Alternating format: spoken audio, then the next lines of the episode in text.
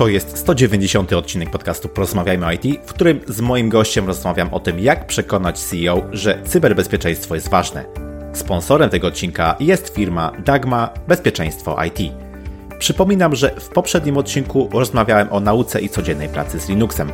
Wszystkie linki oraz transkrypcję dzisiejszej rozmowy znajdziesz pod adresem porozmawiajmyoit.pl łamane na 190. Ocena lub recenzja podcastu w Twojej aplikacji jest bardzo cenna, więc nie zapomnij poświęcić na to kilka minut. Od niedawna można wystawiać oceny podcastom w Spotify. Będzie mi bardzo miło, jeśli w ten sposób odwdzięczysz się za treści, które dla Ciebie tworzę. Dziękuję. Ja się nazywam Krzysztof Kępiński, a moją misją jest poszerzanie horyzontów ludzi z branży IT. Środkiem do tego jest m.in. ten podcast. Wspierając mnie przez Patronite, dzieląc się tym odcinkiem w swoim kręgu lub feedbackiem na jego temat ze mną, pomagasz w realizacji tej misji. A teraz życzę Ci już miłego słuchania. Odpalamy! Cześć, moim gościem jest ekspert z zakresu cyberbezpieczeństwa, który odpowiada za rozwój rozwiązań Storm Shield na polskim rynku. Prywatny miłośnik sportów wodnych, zawodowo od wielu lat związany z Dagma Bezpieczeństwa IT, entuzjasta zastosowania prawa zamówień publicznych w praktyce. Moim i waszym gościem po raz drugi jest Piotr Zielaskiewicz. Cześć Piotrze, bardzo mi miło gościć Cię w podcaście. Cześć Krzysztof, bardzo mi miło. Cieszę się, że ponownie mogę być Twoim gościem. No dokładnie, rozmawialiśmy całkiem niedawno e, w odcinku 178, kiedy to właśnie tematem była rola urządzeń UTM w bezpieczeństwie cyfrowym. No i dzisiaj mam wrażenie, że tak trochę będziemy kontynuować ten wątek, ponieważ e, będziemy rozmawiać o tym, jak przekonać osoby zarządzające firmą, w szczególności CEO, do tego, że cyberbezpieczeństwo jest ważne, a w niektórych przypadkach pewnie krytyczne do działania całego e, przedsiębiorstwa. Zanim do tego jednak przejdziemy, to chciałbym Cię jeszcze raz, Piotr, zapytać o to, czy słuchasz podcastów? Jeśli tak, to czy Twoja lista ulubionych się jakoś zmieniła od ostatniego razu? Jeśli chodzi o podcasty, to tutaj lista cały czas ewaluuje. W związku z tym, że raczej nie narzekam na nadmiar wolnego czasu. W ostatnim czasie najmocniej skupiam się na podcaście pod tytułem Raport o stanie świata, dzięki któremu jestem w stanie w krótkim czasie dowiedzieć się w zasadzie najciekawszych rzeczy, które wydarzyły się na świecie w ostatnim czasie. Super, dzięki za tą rekomendację. Dzisiaj będziemy dużo rozmawiać o perspektywie osób e, zarządzających e, firmą e, w kontekście właśnie bezpieczeństwa infrastruktury IT między innymi. Stąd na początku chciałbym Cię zapytać o to, jakie ryzyka, jakie zagrożenia właśnie z perspektywy takiej osoby, która zarządza firmą, mogą płynąć z potencjalnego ataku na infrastrukturę informatyczną IT. Czego może się taka osoba po takim ataku obawiać? Wiesz co, generalnie y, myślę, że y, chciałbym jeszcze odnieść się do tego, że faktycznie y, ostatni nasz odcinek był około 4 miesiące temu, jeśli dobrze pamiętam, nagrywany, więc cieszę się, że jestem tutaj ponownie gościem. Mm, no i tak, rozmawiamy o cyberbezpieczeństwie. Wcześniej rozmawialiśmy o roli rozwiązań Next Generation Firewall UTM w firmie. Dzisiaj o tym tak naprawdę, no, w jaki sposób przekonać te osoby do tego, aby chciały tak naprawdę mm, za tego typu rozwiązania zapłacić, czy po prostu zainwestować w, tak naprawdę w swoją firmę. No i właśnie, dlaczego powinny inwestować, dlaczego tak naprawdę powinniśmy rozmawiać tutaj przede wszystkim o tym, że jest to inwestycja, a nie koszt, y, hmm. bo to jest jakby y, dla osób y, z poziomu, z levelu C, czy dla decydentów tak naprawdę w pierwszym pierwszym takim problemem. Zrozumienie, że mm, dział IT w firmie to jest tak naprawdę inwestycja. Dlaczego inwestycja? Ponieważ my jako firma wytwarzamy pewne dobro, dobro, posiadamy mm, kontakty naszych partnerów handlowych, kontakty naszych klientów, no i tak naprawdę powinniśmy tych właśnie y, kontaktów chronić. Powinniśmy również chronić wszystkiego tego, co znajduje się w naszej infrastrukturze. Takich informacji, na przykład jak dane o naszych pracownikach, o tym, ile oni y, zarabiają, a może niejednokrotnie firmy, które wytwarzają oprogramowanie, powinny właśnie chronić tego swojego know-how, y, które wytwarzają. No i myślę, że to jest jeden z elementów, dlaczego właśnie mm, inwestycja w szeroko pojęte rozwiązania cybersecurity jest inwestycją, a nie kosztem. Kolejnym elementem, który może zmotywować tak naprawdę mm, e, osoby z poziomu C czy e, menadżerów wysokiego szczebla do zainwestowania, no to oczywiście ryzyko pewnego rodzaju kar to jest, można powiedzieć, e, nie lubię tego e, argumentu, ponieważ to jest trochę jak kijek i marchewka. No, mhm. Jeżeli komuś e, każemy, no to raczej zazwyczaj ktoś, mówiąc wprost, nam się blokuje, no i ten tutaj jakby blokujemy sobie również poziom czy samą tą dyskusję. No ale generalnie kary są nieuniknione, choćby samo wdrożenie RODO narzuca na przedsiębiorców między innymi e, zabezpieczanie infrastruktury, zabezpieczanie właśnie danych osobowych, no a kary e, są wysokie, bo może być to nawet 20 milionów e, euro bądź 4% całkowitego rocznego obrotu takiego przedsiębiorcy, co może być no, tak naprawdę bardzo dużą i dotkliwą karą.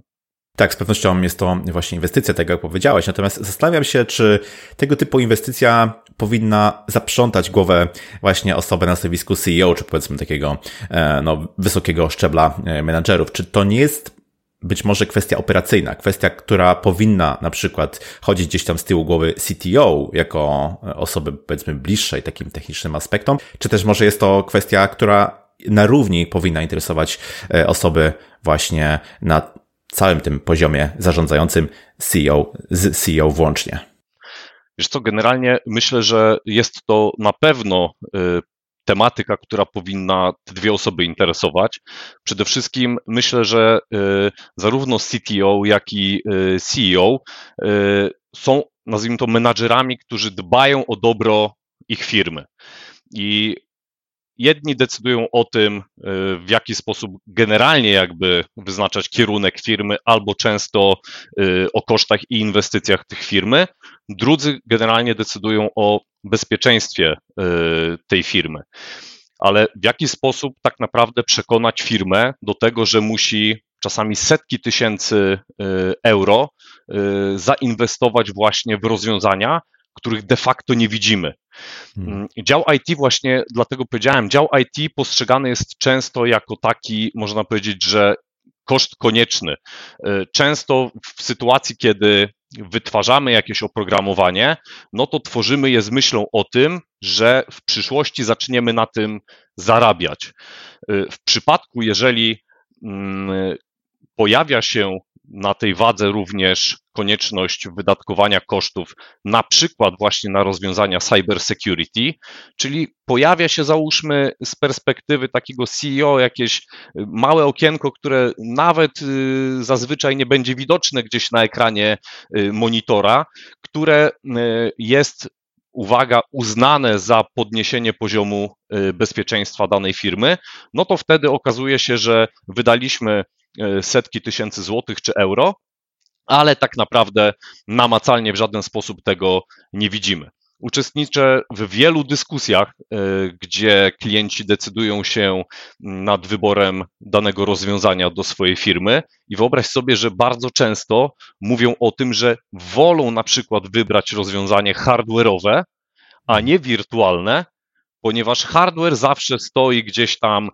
namacalnie jest do pokazania. Przychodzi, nie wiem, szef, decydent i zawsze można pokazać, tam zobacz, hmm. stoi to, na co wydaliśmy e, te grube pieniądze. Mrygają lampki, to jest to nasze bezpieczeństwo. A w sytuacji, jeżeli mamy takie rozwiązanie, nazwijmy to wirtualne, no to nie jesteśmy w stanie się nawet tym e, pochwalić. Więc do tego stopnia e, nawet w tych średnich firmach ci właśnie bezpiecznicy muszą się, że tak powiem, w tej sferze poruszać, żeby lepiej, że tak powiem, argumentować te mm, wydatki. Właśnie to jest często dosyć łudne. Myślę, że o tym jeszcze porozmawiamy sobie, na ile to musi być coś hardware'owego, na ile wcale nie musi, natomiast liczy się mm, zupełnie inny aspekt. Y, teraz chciałbym Cię zapytać jednak, dlaczego często tak się nie dzieje, że CEO, czy też nazwijmy y, tą osobę menedżerem firmy, nie zastanawia się, nie myśli, nie zgłębia tematu y, cyberbezpieczeństwa, pomimo tych różnych rzeczy, aspektów, o których mówiłeś, że grożą za to kary, że jest to duże zagrożenie dla ochrona danych firmy, tak? To są poważne tematy, jakby nie było. Mimo wszystko, no, bardzo często też tutaj brakuje tej świadomości po stronie osób zarządzających, żeby właśnie w ten temat faktycznie zainwestować, prawda? Więc co jest takim według Ciebie najczęstszym blokerem, hamulcowym w myśleniu o zabezpieczeniu właśnie infrastruktury IT na poziomie CEO? Ja myślę, że y, odpowiedź krótka na to pytanie, które zadałeś, y, dlaczego tak się dzieje, że o, że y, o tym nie myślą, odpowiedź jest taka, bo nie muszą. I mhm. teraz jakbym chciał rozszerzyć jakby y, odpowiedź na to pytanie, to prawda jest taka, że aby zmotywować y, CEO do myślenia właśnie o E, o zabezpieczeniach sieciowych między innymi, powinniśmy edukować właśnie w tą stronę. Takie osoby powinny brać udział na przykład w konferencjach, gdzie między innymi również jest edukacja właśnie menadżerów wysokiego szczebla, dlaczego takie rozwiązania w ich infrastrukturze są konieczne. Jest naprawdę mhm. bardzo dużo konferencji i szkoleń na naszym rynku, ale jednak skierowane są one mm, w stronę już stricte powiedziałbym działów IT czyli szkolenia, które są, nazwijmy to, mniej lub bardziej produktowe, mówiące o tym, jak już ewentualnie te rozwiązania wdrożyć zgodnie z procedurami firmy, zgożyć, wdrożyć zgodnie z dobrymi praktykami. Natomiast jeśli chodzi o CEO, to tutaj właśnie wymaga się od, od portali, właśnie od takich programów jak Twój, y, właśnie od y, innych y, mediów, właśnie również dotarcia do CEO i wyjaśnienia, dlaczego właśnie wdrożenie tych rozwiązań jest tak ważne dla firmy. Często CEO myślą, OK, no ale po co wydawać e, nie wiem, jakieś tam e, pieniądze, 100-200 tysięcy złotych, euro na zabezpieczenia, skoro nie, później nie widzę żadnego efektu. Ten efekt jest widoczny w rocznym bilansie. Przez mhm. to, że na końcu roku nie pojawia się żadna kara, przez to, że na końcu roku nie pojawiają się nagłe, nieprzewidziane mm, inwestycje związane na przykład właśnie z atakiem hakerskim, jeśli już do niego dojdzie. Ponieważ atak hakerski może wyrządzić szkody, które będą związane na przykład z przestojem firmy, z mhm. utratą danych, a już danych, a już na pewno najgorsze, co nas może czekać, no to z utratą czy upadkiem reputacji naszej firmy. Mm, bardzo często y, wiele firm, które obsługuje jakieś, są to głównie polskie firmy, które obsługują jakieś y, międzynarodowe, jeszcze większe korporacje, te kontrakty obwarowane są gigantycznymi karami, na przykład za przestój, na przykład właśnie za brak odpowiedniego zabezpieczenia. No i teraz przestój takiej firmy, czy właśnie utrata reputacji to może być droga tylko w jedną stronę. Jeżeli już dojdzie do takiego ataku hakerskiego, to może się okazać, że nasz biznes się właśnie skończył, ponieważ ta wielka mhm. korporacja, z której żyliśmy, którą mm, e, mogliśmy no tutaj zaplanować e, i fakturować tak naprawdę tą firmę, no okazuje się, że już po prostu straciła do nas zaufanie i będzie szukała mm, innej firmy, która będzie mogła ją w tym procesie mm, wspierać. Więc tak naprawdę w tym rocznym bilansie to, że na końcu się nie pojawiają jakieś właśnie y, wydatki związane nagle z koniecznością zainwestowania w zabezpieczenia IT, nagle w, y, w znalezienia specjalisty, które pomoże nam na przykład reaktywować firmę po ataku ransomware, przywrócenia wszystkich systemów. To są koszty nagłe, które mm, w sytuacji, kiedy działamy prewencyjnie, jesteśmy w stanie te koszty sobie naprawdę w długiej perspektywie, na przykład kilku lat, rozłożyć, zaplanować. Możemy uruchomić leasingi, możemy hmm. korzystać z usług as a service, czyli płacić po prostu jakąś opłatę y, miesięczną, a w sytuacji, kiedy już dochodzi do ataku hakerskiego, no to okazuje się, że po pierwsze nie liczymy w ogóle pieniędzy, które ktoś nam proponuje za pomoc nam, żeby tą naszą firmę mm, mhm. przywrócić do y, okresu sprzed ataku. Y, no i okazuje się, że są to nieprzewidziane wydatki, więc automatycznie również tracimy kontrolę nad y, naszym budżetem. No i oczywiście to później w tym naszym bilansie rocznym y, wychodzi. Ja mam tutaj jeszcze taką dodatkową teorię, jestem ciekawy, co o tym e, myślisz. Myślę, że pokutuje jeszcze nadal takie traktowanie działu IT jako zasobu, albo też jako takiego, takiego black boxa, takiej czarnej skrzynki, takiego działu, który no, jest w stanie tutaj nam jak gdyby całość tego IT ogarnąć, tak? Nie, e, te, te osoby na stanowiskach CEO bardzo często gdzieś tam wzbraniają się właśnie przed e, skorzystaniem z zewnętrznych usług czy, czy, czy, czy specjalistów. Jest taka trochę ułuda tego e, bezpieczeństwa, które, które miałoby być zapewnione przez właśnie ten wewnętrzny dział, dział IT, który no oczywiście nie może być siłą rzeczy specjalistą od wszystkiego. Jestem ciekawy, co, czy też to podzielasz, czy, czy też tak myślisz? Jestem przekonany, jestem przekonany, że tak jest. Dział IT bardzo często właśnie jest w tych firmach właśnie mylony na przykład z, z zasobem, powiedziałbym, nie wiem, czy to jest dobre słowo, nie chcę tutaj nikogo urazić. Jeżeli na przykład nie działa myszka, to się okazuje, że ten mhm. sam człowiek, który odpowiada za właśnie to bezpieczeństwo danych, on musi iść naprawić myszkę, bo przestała działać. No tak nie może być. E, jeżeli, e, jeżeli położymy sobie na szali tutaj, że tak powiem, odpowiedzialność za nienaprawienie myszki, a odpowiedzialność za utrzymanie mhm. ciągłości działania naszej firmy, no to, to, e, to nie możemy tutaj postawić znaku równości pomiędzy tema, tema, tymi dwoma mm, czynnościami. Kolejna kwestia jest taka, że wdrażając systemy cyberbezpieczeństwa do naszej firmy, zwiększamy tak naprawdę konieczność utrzymywania wiedzy właśnie w dziale cybersecurity naszej firmy. I ta wiedza też kosztuje, utrzymanie tej wiedzy kosztuje. Dlatego e, no, można, e, można korzystać z zewnętrznych zasobów, e, ponieważ wtedy tak naprawdę outsourcujemy ten problem.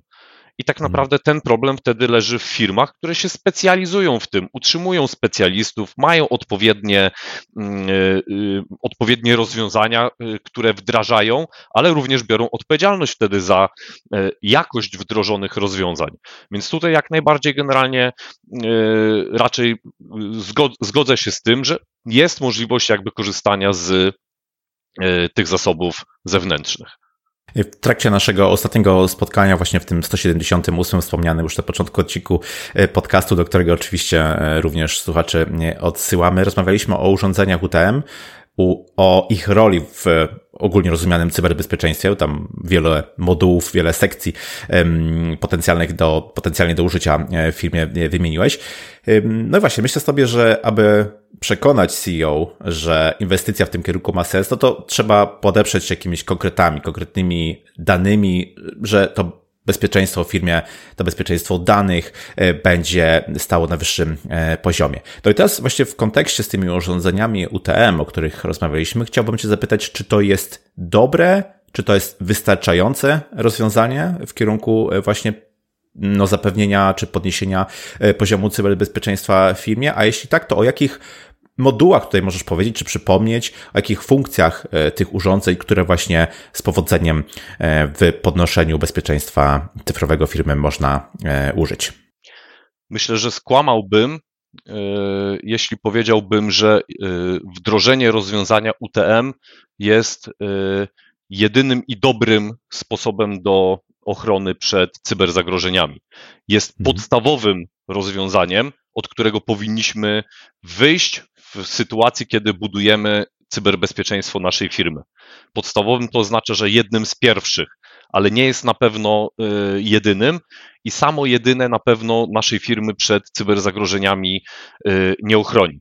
Budując jakby y, cyberbezpieczeństwo naszej firmy, powinniśmy spojrzeć na nią trochę jak na cebulę, czyli mamy zewnętrzną warstwę właśnie, czyli rozwiązanie UTM, które chroni tak naprawdę naszą infrastrukturę przed wyjściem na ten świat zewnętrzny. I to jest ten pierwszy, nazwijmy to, poziom.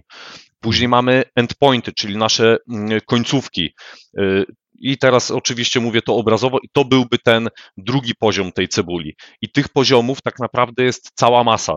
I to wszystko, ile tych poziomów jest i ile tych poziomów y, cyberbezpieczeństwa w tej naszej firmie będzie, zależy również od wielkości naszej infrastruktury. No i oczywiście również powinniśmy brać pod uwagę to, mm, jakie dane posiadamy, no i ile możemy stracić w przypadku takiego cyberataku. No bo y, oczywistym, y, oczywistym jest, że nie zainwestujemy pół miliona y, złotych w cyberbezpieczeństwo naszej firmy w sytuacji, kiedy mamy nie wiem, komputery, komputery i dane na tych e, komputerach warte 10-15 e, tysięcy złotych. No musimy generalnie gdzieś to wszystko wyważać, natomiast tak, UTM na pewno jest tym podstawowym, tym podstawowym elementem, od którego to cyberbezpieczeństwo powinniśmy zacząć. A co jest ważne, generalnie w ostatnim czasie bardzo dużo słyszy się o różnych podatnościach w różnych systemach y, bezpieczeństwa. Dlatego nie tylko to, że UTM wdrożony w firmę y, jest ważny. Powinienem dzisiaj już dodać, że UTM z ważnymi licencjami na pobieranie nowych sygnatur. To jest mhm. bardzo ważne, ponieważ UTM, który mm, y, posiada nieaktualne licencje, czyli tak naprawdę nie mamy możliwości pobierania aktualnych sygnatur, a one aktualizują się cały czas. Mm, y, producent monitoruje ten rynek, nazwijmy to cyberzagrożeń, i cały czas te, te aktualizacje się pojawiają. W sytuacji, kiedy Y, menadżerowie, decydenci, osoby, które zarządzają finansami, zdecydują, że nie wznawiamy licencji dla naszych rozwiązań cyberbezpieczeństwa, bo w ostatnich czterech latach nic się nie wydarzyło, w związku z tym działa. No i wydaje im się, że to nadal będzie działać. No, może działało przez ostatnie 4 lata właśnie dlatego, bo takie licencje e, były aktywne, bo takie sygnatury e, były aktywne. Dlatego tutaj na pewno warto zwrócić uwagę na to, że taki UTM musi posiadać również aktywne licencje. Przechodząc do modułów, o które zapytałeś, no tych modułów jest oczywiście y, cała masa. IPS, który mm, ochroni y, naszą firmę tak naprawdę prewencyjnie w sposób inteligentny przed właśnie mhm. włamaniami do naszej sieci. Y, filtr URL-owy, dzięki któremu jesteśmy w stanie tak naprawdę mm, blokować dostęp po prostu do niechcianych, niepożądanych stron, które Oczywiście bardzo często niosą za sobą e, ryzyko tak naprawdę mm, również, mm, e, również tak naprawdę infekcji e, naszej firmy. Antywirus, który działa na, na rozwiązaniu brzegowym.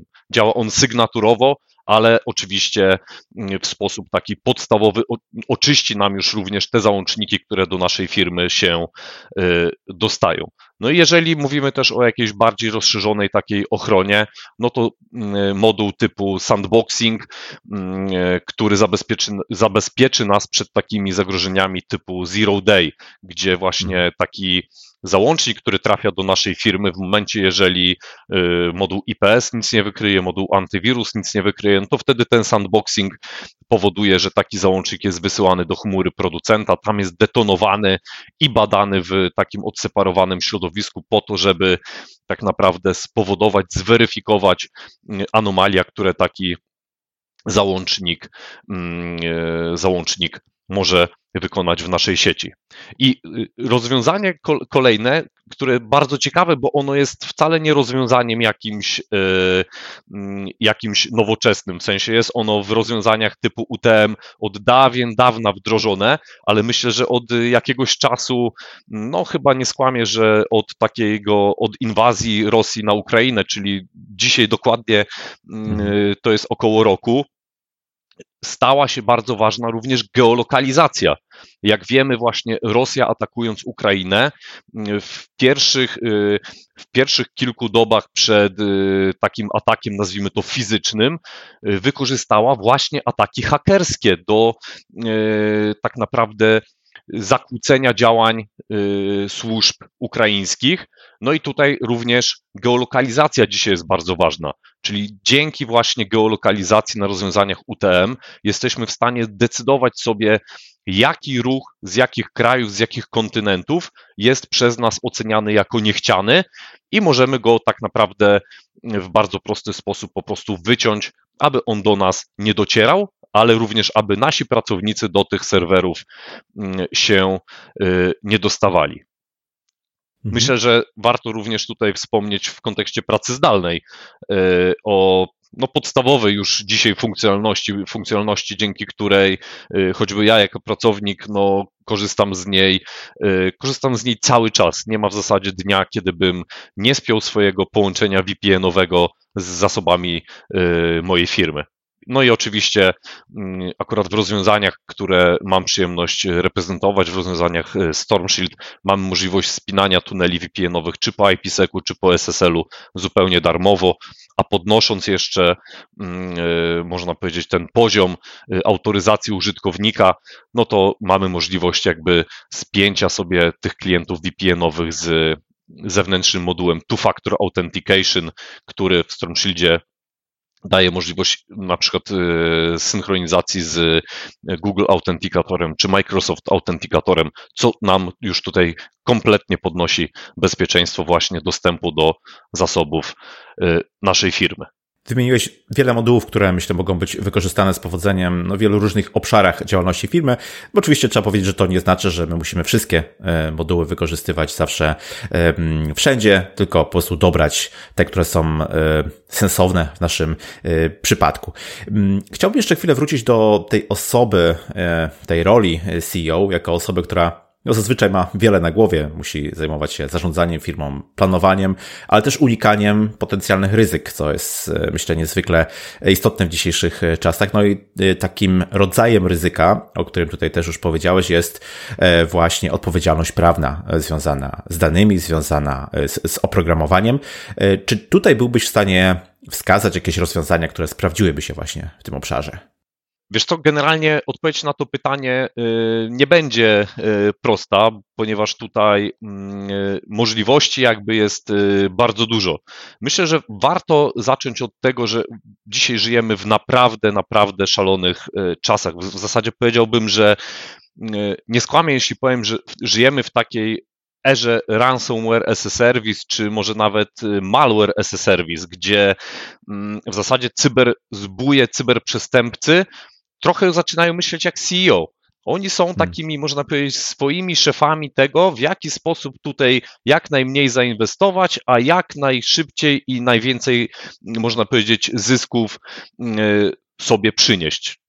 Sobie, czyli oczywiście temu hakerowi, atakując oczywiście naszą firmę, no bo ci cyberprzestępcy cały czas liczą na to, że albo wykradną jakieś ważne dane, albo po prostu, że zostanie zapłacony mm, zapłacony okup. No i można przywołać taki przykład, gdzie e, na przykład identyfikatory logowania są dostępne w cenach od około 100 do 1000 e, dolarów, e, a tak naprawdę możemy wyciągnąć zyski liczone w setkach, tysiącach dolarów. Więc mo można powiedzieć, że mamy inwestycje, no i mamy zwrot z tej inwestycji. Kolejnym y, elementem, który na pewno można mm, poprawić na przykład y, w naszej firmie, to są szkolenia również dla y, naszych działów IT, ale również szkolenia po prostu dla pracowników. Y, te szkolenia są y, bardzo ważne. Mm, prowadzimy je również w naszym autoryzowanym centrum szkoleniowym. Mm, dlaczego szkolenia? Ponieważ wiele ataków tak naprawdę odbywa się, ponieważ sprzyjają ku temu okoliczności. Dlaczego? jest to albo z powodu zaniedbań, albo z braku świadomości. Na, na, bardzo dużo firm y, posiada na przykład y, konta swoich pracowników, którzy już nie pracują y, w danej firmie. I okazuje się, że y, ci pracownicy dalej mają dostęp do pewnego rodzaju y, zasobów naszej firmy. No to aż się prosi po prostu o to, żeby, y, żeby wykorzystać takie konta, no i żeby takie dane wykraść. To, co jest ważne również z perspektywy CEO, na co powinni zwrócić uwagę, to że to tak naprawdę nie firma. Bardzo często może się okazać, że to właśnie ten menadżer wysokiego szczebla jest y, celem ataku. Dlaczego? Mhm. Ponieważ to on właśnie, jako menadżer wysokiego szczebla, ma, można powiedzieć, nieograniczone dostępy do zasobów firmy. Nieograniczone dostępy do bazy, nieograniczone dostępy właśnie do mm, różnego rodzaju systemów, mm, ale może nawet jest właścicielem y, karty, która wpuszcza nas po prostu fizycznie do odpowiednich pomieszczeń y, naszej firmy. Więc warto również tutaj dla CEO wyjaśnić, że to on może być celem ataku samo przejęcie dostępu do poczty e, mhm. takiej ważnej osoby w firmie może spowodować, że na przykład księgowość wyśle mm, pieniądze na inne konto niż powinno. Znamy takie ataki z sektora publicznego w Polsce, gdzie, gdzie dostęp do poczty został przejęty, no i księgowa wysłała pieniądze y, w inne miejsce. No takich y, przykładów można, y, można mnożyć. No jak na to można zaradzić? No oczywiście budując świadomość naszych pracowników, budując stale świadomość po prostu całej naszej firmy, a tą świadomość możemy budować szkoleniami. Szkolenia i rozwiązania IT wdrożone, IT, cyber, e, cyber security, e, powinny iść z sobą w parze, ponieważ same wdrożone rozwiązania później jeszcze nad, trzeba nadzorować i cały czas stale monitorować. A żeby robić to w sposób dobry, no to oczywiście powinniśmy mieć wykwalifikowaną kadrę i świadomych pracowników. Świadomych pracowników, począwszy od, mm, y, począwszy od każdego pracownika, który de facto jest w naszej y, firmie, aby wiedział, w co klikać, a w co nie klikać, ewentualnie wysłać takiego maila do sprawdzenia do naszego działu cyberbezpieczeństwa. Y, no właśnie, do tej kadry chciałbym się teraz odnieść, bo oczywistym jest, że każdemu CEO zależy na rozwoju firmy. No i ten rozwój oczywiście może być osiągnięty na kilka różnych sposobów. Jednym z takich sposobów czy mechanizmów jest podnoszenie efektywności pracy właśnie e, pracowników, co jak wiemy, nie jest teraz łatwe w czasach pracy zdalnej, w czasach e, różnych dystraktorów, social mediów, które nas po prostu odrywają od e, codziennych obowiązków. No i właśnie jestem przekonany, że każdemu CEO zależałoby na tym, żeby w jakiś sposób tą efektywność pracy przynajmniej utrzymać, a idealnie by było podnosić. I tutaj oczywiście też pewne aspekty związane z cyberbezpie cyberbezpieczeństwem, chociażby w kontekście pracy zdalnej, e, występują. No właśnie, jestem ciekaw, jak i dzięki jakim rozwiązaniom e, możemy ten aspekt efektywności, produktywności pracowników e, poprawiać, polepszyć. Produktywność to jest zawsze tutaj takie mm, słowo, które myślę, że pracownicy mogą różnie odbierać w momencie, jeżeli zacznę reklamować narzędzia, które są w stanie monitorować ich pracę. Również tak. jestem tak. pracownikiem, również e, pracuję zdalnie, no i słyszy się o różnych systemach wdrażanych przez pracodawców, które e, mierzą ilość e, kliknięć myszką, czy myszka się porusza po ekranie, czas spędzony na Zoomie, na Teamsach i tak dalej, i tak dalej, i tak dalej. Myślę, że powinniśmy w taki sposób budować tak naprawdę program motywacyjny naszej firmy. Od tego powinny być y, działy HR, po to, żeby pracownicy po prostu wiedzieli, co mają robić, w jakim czasie mają robić i y, powinniśmy również dać im większy, y, większy, większy margines zaufania. Po prostu ufajmy swoim pracownikom. Natomiast oczywiście praca zdalna na pewno niesie ze sobą zwiększenie prawdopodobieństwa mm, ataku na naszą e, infrastrukturę. Mm, najprostszym przykładem może być korzystanie na przykład z, ze swoich prywatnych narzędzi w celu właśnie dostania się do infrastruktury naszej firmy.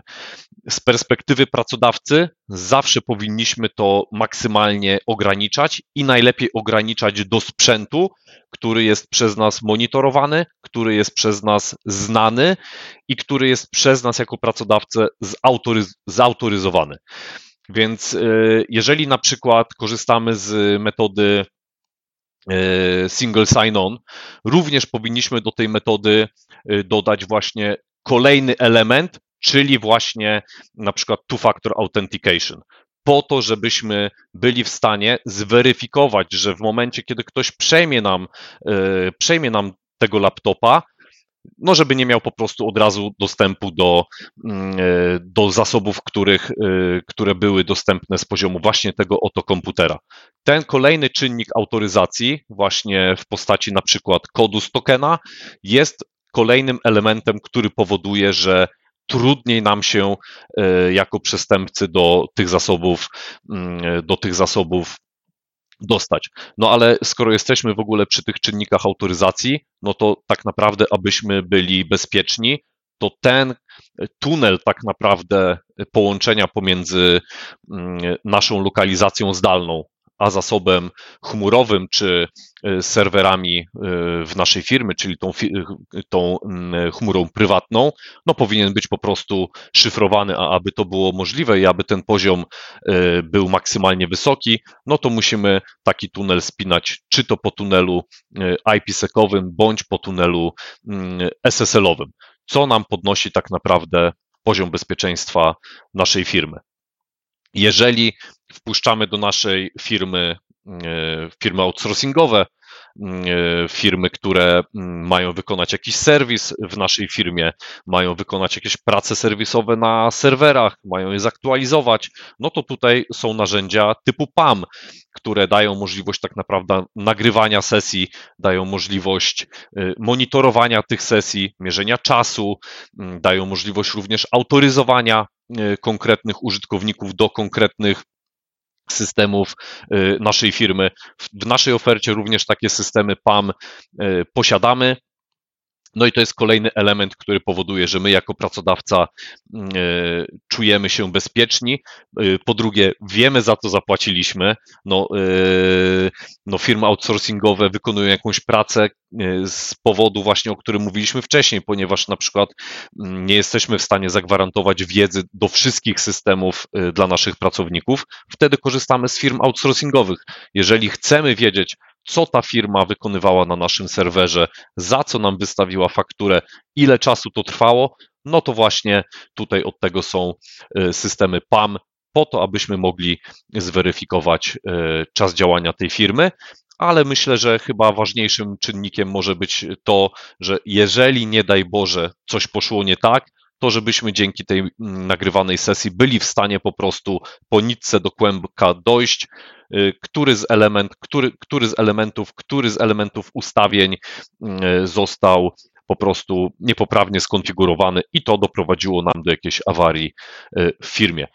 Kolejnym, myślę, że bardzo ważnym elementem, o którym no, nie możemy zapominać, no to będą rozwiązania typu endpoint czy EDR dla y, klientów już średnich i większych, powiedziałbym, ten EDR, mm, bo EDR-a również trzeba monitorować, aby on y, poprawnie działał. A skoro musimy go monitorować, no to musimy mieć odpowiedni, y, odpowiednią ilość wykwalifikowanej załogi, która będzie w stanie z tego y, skorzystać i, wy, i wyciągnąć y, wnioski.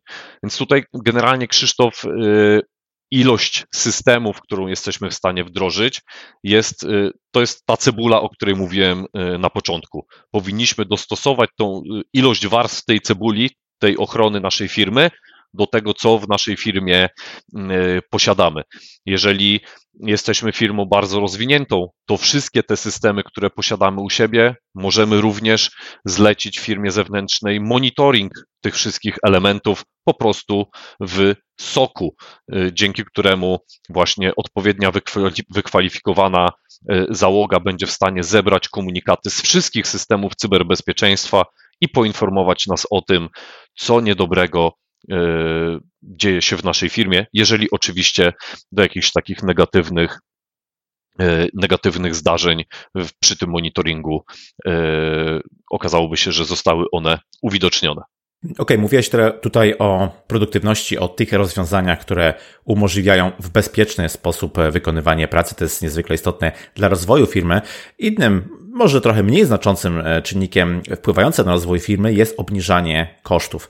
No i oczywiście pewnie znajdziemy na rynku mnóstwo rozwiązań dedykowanych poszczególnym aspektom dbania o cyberbezpieczeństwo. Natomiast zastanawiam się, czy byłbyś w stanie polecić jakiś, jakiś jeden rodzaj takich bardziej kompleksowych rozwiązań, które są e, w stanie pokryć no, więcej tych właśnie obszarów, e, o które trzeba zadbać w kontekście cyberbezpieczeństwa, a jednocześnie mogłyby się przełożyć na e, redukcję kosztów związanych z zakupem jednego systemu, jednego rozwiązania, a nie wielu. Jeżeli stajemy przed takim dylematem, że oczywiście mm, mamy bardzo mocno ograniczony budżet, e, no to pierwszym elementem, na który powinniśmy się zdecydować, właśnie powinno być rozwiązanie y, UTM Next Generation y, Firewall. ilość modułów bezpieczeństwa w tym rozwiązaniu UTM Next Generation Firewall jest bardzo duża i daje tutaj możliwość tak naprawdę mm, zaspokojenia większości potrzeb, które w tym momencie, o których w tym momencie powiedziałem. Dzięki UTM-owi i tunelom VPN-owym, które są na nim realizowane, jesteśmy w stanie y, udzielać dostępu nawet czasowego właśnie firmom outsourcingowym. Czyli będziemy mieli kontrolę tak naprawdę nad tym, y, kto w jakim czasie wykonywał zadania. Możemy, możemy również skonfigurować te polityki w taki sposób, aby zasoby dla tej firmy widoczne to były te konkretne zasoby, do których oni y, mają mieć, że tak powiem, dojście. Dzięki URL filteringowi możemy tak naprawdę analizować i weryfikować, e, co i po jakich stronach e, surfują nasi e, pracownicy. Możemy tak naprawdę ustawić harmonogram pracy, to znaczy, że je od godziny 8 na przykład do godziny 17 możemy naszym pracownikom bardziej ograniczyć tą ilość stron, na które mogą wchodzić, a po godzinach pracy y, ją rozszerzyć po to, aby, mm, aby y, mogli po prostu swobodnie, y, swobodnie gdzieś surfować po internecie. Antywirus. No, tak jak powiedziałem, na rozwiązaniach UTM Next Generation Firewall, mm, na przykład typu Storm Shield, również mamy mm, antywirusa. W tej chwili, w tej chwili jako wersja rozszerzona mamy antywirus europejski, który działa bardzo dobrze. Jesteśmy w stanie tutaj sygnaturowo również analizować załączniki, które wpadają tak naprawdę do naszej, do naszej sieci. Mamy możliwość wykorzystania audytu podatności, który zweryfikuje, czy aplikacje i programy, które y, działają na naszych systemach, są y, podatne na zagrożenia czyhające w internecie. Trochę wracamy do tych modułów, o których wcześniej y, opowiadałem, może wymieniłem kilka nowych, natomiast chciałem też zwrócić uwagę na to, jak kompleksowe jest to rozwiązanie. A rozwiązanie y, Storm Shield, tak naprawdę to, co może zaoferować, to również fakt, że cena wznowień cena utrzymania tego rozwiązania w przyszłości, w kolejnych latach, y, no myślę, że y, nie skłamię, jeśli powiem, że jest no jedną z najbardziej konkurencyjnych y, na rynku, więc tutaj bardzo miło możecie się po prostu zaskoczyć, jeżeli, jeżeli sobie zweryfikujecie, zweryfikujecie informacje, jakie są ceny wznowień utrzymania licencji w tych rozwiązaniach. Więc jeżeli stoicie przed naprawdę takim dylematem, że y, zastanawiacie się nad kilkoma systemami, no ale nie ma na to pieniędzy, no to wtedy krok numer jeden, wdrożenie rozwiązania Next Generation Firewall, na którym posegmentujemy naszą sieć, y, uruchomimy VLANy, no i będziemy zabezpieczać również pracowników, którzy łączą się do naszych zasobów zdalnie. Okej, okay, tutaj powiedziałeś o bardzo konkretnych rozwiązaniach, które mogą być wykorzystywane właśnie w tym obszarze cyberbezpieczeństwa, ale dużo też mówiłeś o wiedzy i takiej świadomości e, tego obszaru i ustaliliśmy już, że CEO jak najbardziej też powinien się tym obszarem e, interesować. Zastanawiam się, do jakiego stopnia albo w jaki sposób, bo czy to nie raczej na działach technicznych e, spoczywa taka, wiesz, odpowiedzialność, żeby zainteresować właśnie CEO mm, wagą tego e, problemu, czy też może nic nie stoi na przeszkodzie, żeby CEO sam z siebie z taką inicjatywą gdzieś wyszedł?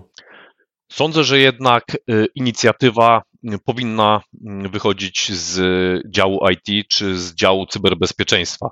Natomiast CEO powinien mieć świadomość bądź, bądź raczej po prostu powinien mieć świadomość tego, że takie inwestycje są wymagane.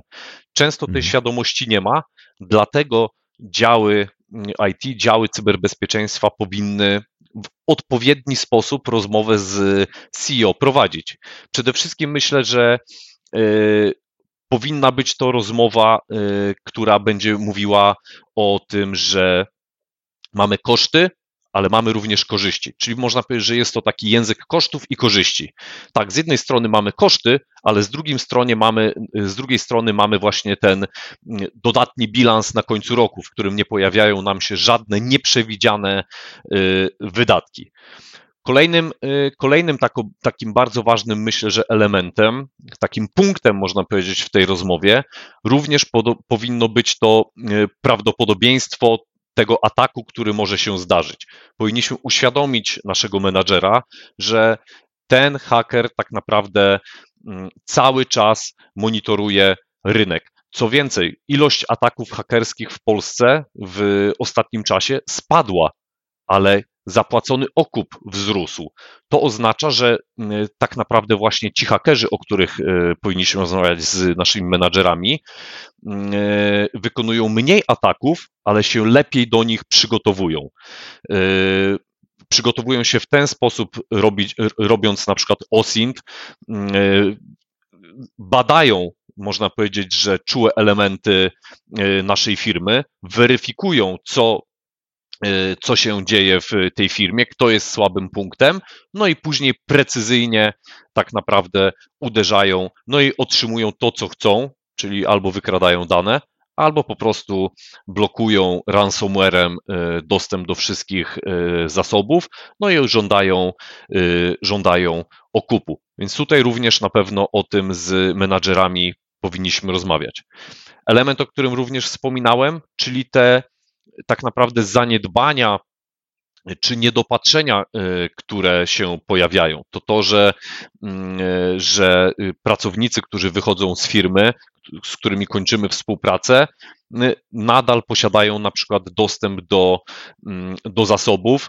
Te konta tych pracowników są aktywne, w związku z tym to również jest, mm, to również jest element, którym w bardzo prosty sposób możemy przejąć kontrolę nad y, danymi zasobami. No i czwarty punkt jest y, taki, że ten menadżer tak naprawdę właśnie, który ma dostęp do szeroko pojętych zasobów, y, jest najczęściej tym elementem, na którym się cyberprzestępcy skupiają, bo dzięki temu możemy skupić się tylko i wyłącznie na jednej osobie, a w zasadzie ona otwiera nam furtkę do naszej y, tej cybertwierdzy, którą próbujemy y, zbudować. Więc reasumując, powinniśmy przedstawić wszystkie zagrożenia menadżerowi, przedstawić również koszty, z jakimi będzie wiązało się podniesienie i przywrócenie y, wszystkich naszych systemów do wersji, do można powiedzieć, wersji sprzed ataku. No i później oczywiście wyjaśnić, między innymi y, ramy prawne, czyli RODO, y, gdzie tutaj istnieją już konkretne kary, może być to 4% obrotu y, danego przedsiębiorstwa, albo nawet 20 milionów euro kary w sytuacji, jeżeli nie zadbamy o właściwe zabezpieczenie danych.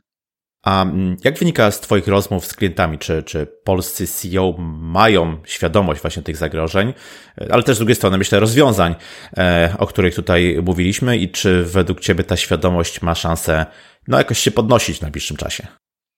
Sądzę, że mm, Polska generalnie jest, y, chyba nie skłamie, jeśli powiem, że takim cyberliderem y, Europy.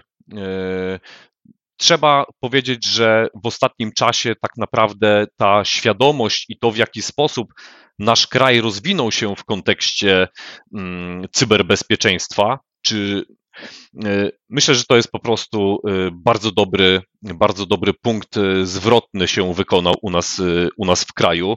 I świadomość zarówno menadżerów, jak i działów IT w kontekście inwestycji związanych z, mm, z cyberbezpieczeństwem, myślę, że naprawdę bardzo mocno, y, bardzo mocno wzrosła.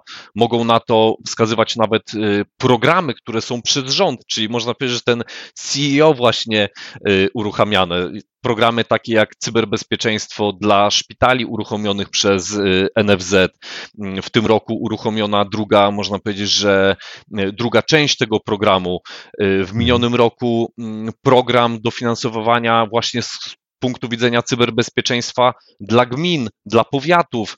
Mm, ilość tych programów związanych z cyberbezpieczeństwem w Polsce pokazuje, że ta świadomość już w tej chwili jest. Myślę, że większym zmartwieniem dla CEO jest y, to, skąd wziąć na to wszystko y, odpowiednią ilość środków inwestycyjnych.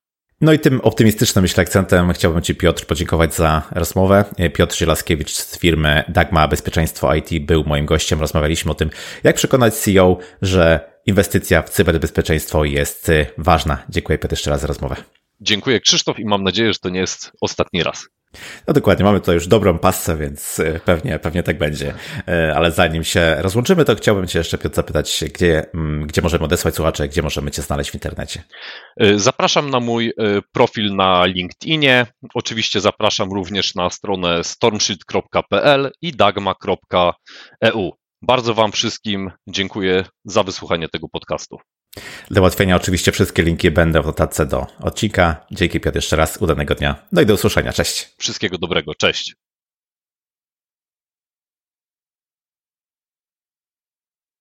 I to na tyle z tego, co przygotowałem dla Ciebie na dzisiaj. Po więcej wartościowych treści zapraszam Cię do wcześniejszych odcinków. A już teraz, zgodnie z tym, co czujesz, wystaw ocenę, recenzję lub komentarz w aplikacji, której słuchasz lub w social mediach. Zawsze możesz się ze mną skontaktować pod adresem krzysztofmałpa porozmawiajmy o it.pl lub przez media społecznościowe. Ja się nazywam Krzysztof Kępiński, a to był odcinek podcastu Porozmawiajmy IT o tym, jak przekonać CEO, że cyberbezpieczeństwo jest ważne. Zapraszam do kolejnego odcinka już wkrótce. Cześć!